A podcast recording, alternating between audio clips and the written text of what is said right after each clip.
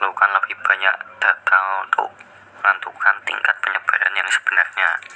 Delta Plus merupakan mutasi dari varian Delta yang pertama kali ditemukan di India pada Februari lalu. Kemunculan Delta Plus menjadi sorotan dalam beberapa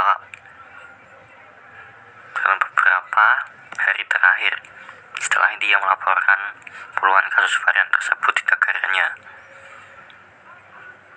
Meski para ahli belum mengetahui pasti karakteristik Delta Plus, Menteri Kesehatan India Rajesh Bhugam menyebut varian ini lebih menular.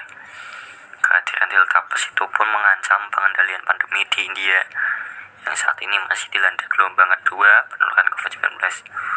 Meski kasus tersebut menurun, varian Delta Plus ini merupakan versi varian Delta yang pertama kali terdeteksi di India